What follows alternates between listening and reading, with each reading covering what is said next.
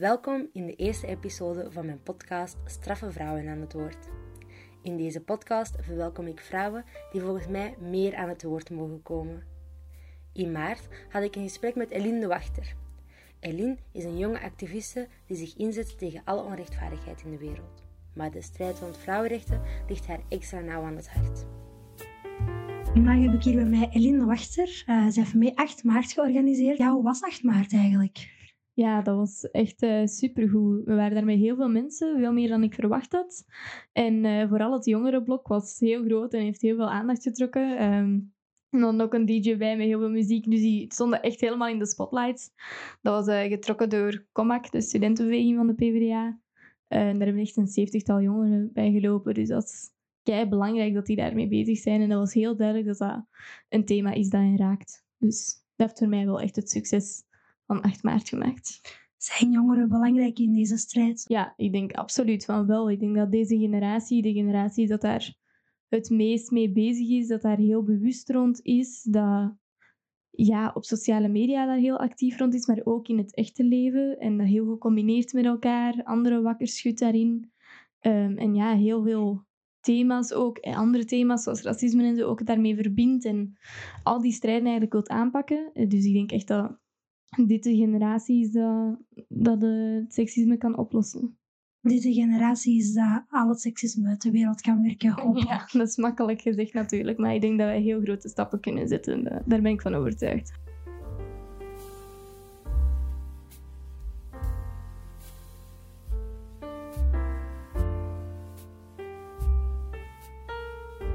De strijd voor feminisme is een heel brede strijd. Je hebt het geweld, maar je hebt ook inderdaad in, in, uh, op de werkvloer dat we te weinig betaald krijgen. Dat is heel breed en dat moet allemaal aangepakt worden. En ja, dat iedereen ook voor zich nadenkt van oké, wat wil ik echt mijn steentje bijdragen? Waar ga ik mij op focussen? En ja, daarover blijven praten onderling ook. Dat lijkt mij ook echt super belangrijk. En acties blijven voeren. Dus dat thema zeker niet laten liggen. We werken naar 25 november ook. 25 november? Ja, dat is uh, de internationale dag tegen geweld op vrouwen. En dat is nog altijd nodig in België. Absoluut. De cijfers zijn nog altijd heel hoog van feminicides. Dat is, uh, allee, dat kunt u echt niet voorstellen. In een landje hier als België. Dus oké, het, is hier, het is hier heel duidelijk niet opgelost. En dan krijg je vaak zo het argument van... Oh, maar in andere landen is het veel erger, bla bla bla. Ja, dat wil niet zeggen dat het hier dan helemaal in orde is en dat we niks meer moeten doen. Die strijd die zet zich verder en ik ben heel zeker dat in andere landen dat dat ook allemaal nog allee, weer gaat uitgewerkt worden en vrouwen nog meer in opstand gaan komen. En het is heel belangrijk om niet dat wij zij denken te vervallen, want dat we elkaar daar ook in steunen, internationaal over die grenzen heen. En ja, dat, dat lijkt me echt super belangrijk. Maar ook hier de focus, allee, echt het besef te hebben dat dat hier niet voorbij is en dat we moeten blijven verder gaan en niet genoegen nemen met de paar kruimeltjes die we krijgen. We moeten echt volledig gelijke rechten krijgen op alle vlakken. je zegt dat er zo, uh, verschillende feminicides al zijn gebeurd. Dat is natuurlijk de extreemste vorm van uh, seksueel geweld. Ja. Maar het kan ook veel subtieler natuurlijk. Uh, ja, dat zit in allerlei vormen. Dat, geweld is ook heel vaak mentaal. Dat beseffen mensen ook heel vaak niet. Die denken echt van, oké, je moet al echt op je poep gekletst worden, bij wijze van spreken, om, om met een vorm van geweld in aanraking te komen of een, ongewenste aanraking mee te maken.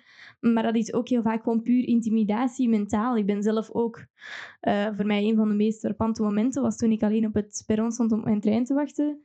En ik werd lastiggevallen door een man en die wou niet weggaan. En het feit dat ik daar alleen stond met die man, dat niemand anders in de buurt was en dat hij eigenlijk gewoon zou kunnen doen wat hij wil, dat is ook een heel beangstigende gedachte. Ik vind dat heel belangrijk dat dat ook inderdaad gewoon puur die, die macht is dat ze het zouden kunnen doen. En het echt doen is heel erg natuurlijk, maar effectief gewoon het feit dat die dat wapen hebben, vind ik heel belangrijk. Ik heb daar ooit een, een, een filmpje over gezien. En dat was een man die zei van stel dat je nu uh, in een maatschappij zou opgroeien waarbij elke vrouw uh, het recht heeft om met een geweer rond te lopen en dat ook doet. Dus iedereen, elke vrouw gaat over straat met een geweer op zak. Mannen hebben dat recht niet, die hebben dat niet. Ja? En dan ben je aan het rondlopen en je passeert een groepje vrouwen en die zijn zo tegen u, amai, chique kleren hebt jij. Die zijn duur zeker? Ja? Ja. Allee, en dan ondertussen zo'n beetje met hun pistool zo aan het spelen en zo. Is dat bedreigend of is dat een compliment? bedreigend. Dat, komt Dat is bedreigend. over. En dat voelt hetzelfde voor een meisje dat gewoon over de straat aan het lopen is in een rokje dat ze graag draagt, waar ze zich goed in voelt. En dan de opmerking krijgen, hey, sexy ding, bla bla bla bla, en nagefloten worden. Ja, dat is net hetzelfde. Dat is gewoon dreigen dat je dat wapen hebt. En we weten ook dat het effectief gebeurt, dat het echt gebruikt wordt. Dus tuurlijk is dat beangstigend en intimiderend en bedreigend en geen complimentje. Maar ik heb wel het gevoel dat nu bijvoorbeeld, als iemand een racistische mop maakt, er komt direct reactie op. Of liefst toch. Maar dat, dat kan bijna echt niet meer. Er komt direct reactie. Het N-woord zegt dat niet. En daar ben ik 100% mee akkoord. Ik bedoel, dat doet je gewoon niet. Dat deed je vroeger ook al niet. Maar dan werd dat nog genormaliseerd om dat te zeggen. En nu wordt daar echt fel op ingegaan. En dat is kei belangrijk. En dat is goed dat mensen zich daar zo bewust rond zijn. Maar als er dan een seksistische mop wordt gemaakt, wordt daar vaker nog veel mee gewoon weggelachen van ah, het is maar een mopje of je moet dat niet allemaal zo serieus nemen. En dat, dat snap ik gewoon niet, want dat is wel echt even erg. En, en Ja. Dat is ook een heel groot verschil met, met vroeger, denk ik. Vroeger was racisme en seksisme was dat gewoon veel uitgesprokener. En nu heb je daar veel implicietere vormen van. En het is ook heel belangrijk om, om die aan te pakken. Dat een vrouw ook een stuk gereedschap kan vastpakken zonder dat je dat uit de handen gaat pakken. Dat is ook een heel goed voorbeeld, denk ik. Als iemand iets aan leren is met een hamer te kloppen of zo, dan wordt er aan een man gezegd, ja, je moet dat zo doen. En dan wordt dat wel uitgelegd. Een vrouw wordt dat gewoon afgepakt en doen ze het in de plaats. Dat zijn voor mij heel impliciete vormen van seksisme, die dat ook, waar dat je ook op moet kunnen wijzen, die dat ook aangepakt moeten worden. En dus dat, dat vind ik daar wel heel belangrijk in die strijd ook. Dat dat op heel veel verschillende vormen terugkomt en dat het allemaal belangrijk is om die allemaal aan te pakken. Want dat, ook die kleinere, implicietere vormen, die laten zien hoe diep dat, dat ingebakken zit in deze maatschappij. Dat, dat, dat is, ja... Als iemand verkracht wordt, dan gaan er niet heel veel mensen zeggen... Wow, dat is niet erg. Nee, iedereen vindt dat erg, hoop ik. Maar als je dan afkomt met iets kleiner, van kijk, ik vind dat echt niet fijn dat ik nog op zo'n impliciete, seksistische manier behandeld word, dat ik toch altijd als minderwaardig word beschouwd. Dat zit bijvoorbeeld in dat gereedschap niet mogen vastpakken of zo, denken dat een vrouw iets niet kan opheffen. Hè. En ik- ik heb vier sterke jongens nodig om mij mee de stoelen te verplaatsen. Ik denk dat iedereen dat wel kent. Ja, dat laat echt zien hoe normaal dat, dat voor ons allemaal is. Dat zit in heel kleine dingetjes en dat is heel belangrijk om die aan te passen, omdat dat echt die geworteldheid aantoont. Ja, en ik denk ook, als we dat dan aankaarten, worden wij vaak ook verkeerd neergezet. Dan worden wij als hysterisch gezien. Eh, wat dat heel frustrerend is, denk ik. Ehm, want ja, je kaart dat de volgende keer ook gewoon niet meer aan. Denk ik dan. Absoluut. Ja, de hysterische vrouw, de bazige vrouw, met de, de hulploze vrouw, dat zijn allemaal mooie stereotypes die dat er rondhangen. En dat maakt het inderdaad heel moeilijk om, om uw mond open te doen.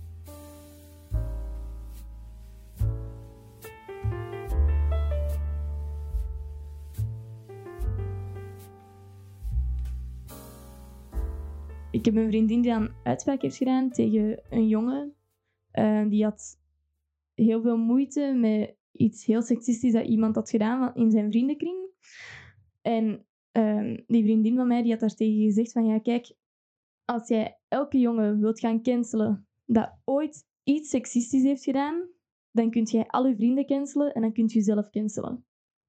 En dat is, dat is heel belangrijk. De, ja, iedereen maakt fouten en oké, dat is echt niet oké, maar wijs die daarop en leer daarvan. Dat is volgens mij het belangrijkste aspect daarin.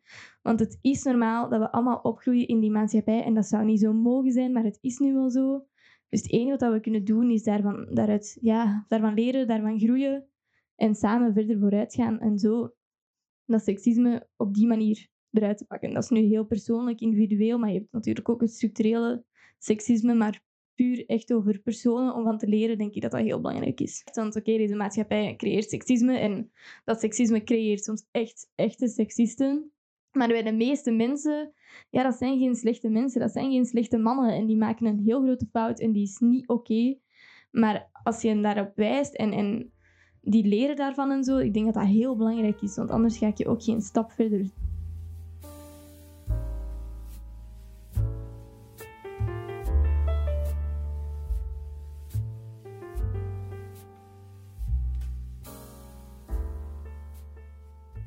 Denk je dat zo, uw activisme, want ik hoor echt met heel veel passie spreken, denk je dat dat uw leven beïnvloedt? Dat dat invloed heeft op wie dat je bent?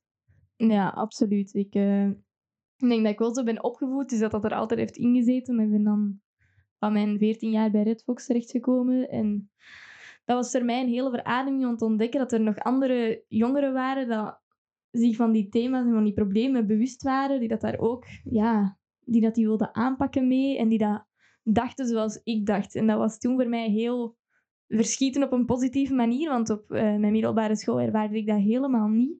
Was ik eigenlijk zo aan de rare bij van spreken in mijn klas, die dat met zo'n dingen echt actief bezig was. Allee, in plaats van op TikTok nu te zitten of zo. Toen bestond dat nog niet, maar om maar een voorbeeldje te geven. Uh, ja, en dan bij Redfox ineens zie je mensen dat dat ook echt als een probleem zien, dat dat serieus nemen, dat daar iets aan willen veranderen. En ja, dat bepaalt dan ook heel erg je vriendenkring. Ik heb natuurlijk ook vrienden van het middelbaar overgehouden, maar als ik denk van wie zijn mijn beste vrienden dat ik voor de rest van mijn leven ga houden, ja, dat zijn Redfoxers, absoluut. En komakkers en pioniers, hè. Dus dat is, uh, dat is heel belangrijk. Dat bepaalt inderdaad je vriendenkring. Dat bepaalt ook ja, je familieleden en zo, met wie dat je het beste overeenkomt. Mijn mama is bijvoorbeeld ook heel actief mee in PvdA. Die denkt ook heel goed na over die thema's en zo. Dus dat, dat werkt heel goed. Ja, ik kan ook even inpakken op wat ik daarnet zei over mijn vrienden in het middelbaar en gewoon middelbare scholieren in het algemeen toen. Ja, toen op mijn veertiende, ik denk dat ik echt al mee in die generatie toch zit die dat wat progressiever ingesteld is. Maar toen had ik daar wel echt het gevoel dat ik daar een uitzondering in was. Um, en nu, als ik nu kijk naar middelbare scholieren, hoe actief dat die allemaal zijn rond die thema's, zodat die daar echt rond aan het strijden zijn, hoe normaal dat, dat is voor deze jeugd om te gaan betogen, vanwege die klimaatstakingen ook. En dat is super belangrijk geweest. Als je nu aan een jongen vraagt, ah ja, kom op straat, tuurlijk, is geen probleem. Dat is normaal, dat is logisch, dat is de realiteit. We moeten opkomen voor onze rechten. En dat vind ik daar echt, oh, dat op een paar jaar nog veel sterker is geworden. Het is niet compleet omgeslagen, want dat heerste al wel toen dat ik in het middelbaar zat. Maar nu is dat zo'n ja, normaal gegeven. Ik vind dat ook echt gek. We hebben nu de, onze antiracisme, antiracisme-campagne opgestart uh, met Red Fox. We hebben daar honderd scholen in het hele land hebben actie gevoerd tegen racisme op allemaal verschillende manieren. Maar ik vind dat echt gek. Hè? Je belt die mensen gewoon op van hey, dit is ons plan, doet je mee? Ja, tuurlijk. Dat is niet eens meer een twijfel. Hè? Dus hoe hard dat die jongeren daarmee bezig zijn, dat vind ik ook wel echt een verschil tegenover een paar jaar geleden. En dat vind ik ook wel belangrijk om te benadrukken dat en omdat ik zeg van, toen was er niet echt iemand bij wie dat ik die dingen kwijt kon, totdat ik Redfox ontdekte. Oké, dat was zo voor mij. Maar ik denk dat dat nu al helemaal anders is. Ja, en ik denk dat de jongens, hun mentaliteit ook vooral veranderd is. Als ik naar mijn broer kijk, waar ik super trots op ben, ja, die, die, die staat daar ook wel echt voor en die probeert ook wel echt dingen te veranderen. Um, en en allee, als ik naar de generatie kijk, de, de, de actie met de rokken, dat de jongens met, met, met rokken naar school gingen, dan dacht ik echt, wow, mij Allee, dus er is daar ook wel een mentale shift bij jongens, denk ik dan. Ja, het is heel belangrijk om die jongens mee te krijgen in die strijd. En ik denk dat vroeger er... Allee, vroeger... En er zijn nu ook altijd nog mensen met zo'n ingesteldheid dat zoiets hebben van... Ah ja, feministen die zijn tegen mannen. die willen eigenlijk een, een, matriarchie in plaats van een patriarchie. Mhm. Ehm, ja, en, en vrouwen boven mannen stellen. Terwijl dan nee, feminisme is echt gelijke rechten willen voor mannen en vrouwen. En het is heel belangrijk om die dialoog ook aan te gaan met, met mannen en ze daarin mee te krijgen. Want alleen gaan we het ook niet halen ik denk dat dat, ja, dat is echt super belangrijk om, om die strijd te verenigen. Want als enkel vrouwen daarvoor op gaan komen, dan gaan we echt niet bereiken waar we willen komen. We hebben mannen daarvoor nodig. En dat is hetzelfde met andere thema's, zoals racisme of zo. Ja, daar moeten we ook allemaal in samenkomen. Anders alleen graag je niet. Ja, ik zie dat je echt enorm vaak um, verbindt met racisme en klimaat. Dus je probeert die strijden wel te verbinden, merk ik. Ja, ik denk dat dat uh, een hele belangrijke is om uh, te beseffen. Voor mij is, is, is onze, onze maatschappij eh, probeert die ons te verdelen op heel veel verschillende vlakken. En zo zetten ze mannen tegen vrouwen op. Maar ook qua racisme, hè, witte versus zwarte mensen en straight of, of gay, hè, proberen ze allemaal tegen elkaar op te zetten. Waardoor dat die mensen ja, niet gaan samenwerken en gaan beseffen dat de echte reden waarom er problemen zijn in onze maatschappij, dat dat ja, bovenaan zit bij de overheid, bij onze rijke mensen, bij de 1%. En, en allee, het werkt heel vaak wel, hè, die verdelen heerstrategie. Maar ik denk dat wij aantonen dat, met, bijvoorbeeld met Redfox, dat dat wel kan, dat wij wel kunnen samenleven. Ik denk dat onze kampen daar een heel goed voorbeeld van zijn. Die eenheid, hè, die solidariteit, ook Vlaanderen versus Wallonië, dat is nog weer zo'n manier waarop we dat soms proberen verdelen, ja, wij laten zien dat wij wel allemaal overeenkomen. Dat die verschillen waarover dat ze spreken, dat die helemaal niet zo groot zijn. Dus die eenheid is, is super belangrijk. En we mogen ons daar niet door laten doen. En daarom heb ik ook echt heel veel hoop in deze jeugd. Ik denk dat die daar, die groeien ook op in, in diversiteit en diversiteit in alle vormen. Dus dat is echt een realiteit, dat is een feit voor hen. Dus dan is dat ook ja, veel evidenter om, om op te komen als je ziet dat er, dat er ineens mensen die diversiteit niet omarmen.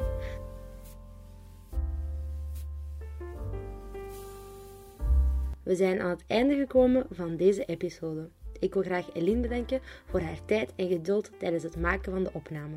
Dit was voor mij mijn eerste podcast, dus super spannend. Geef me dus zeker ook feedback en ik hoop dat jullie ervan genoten hebben. Tot de volgende keer!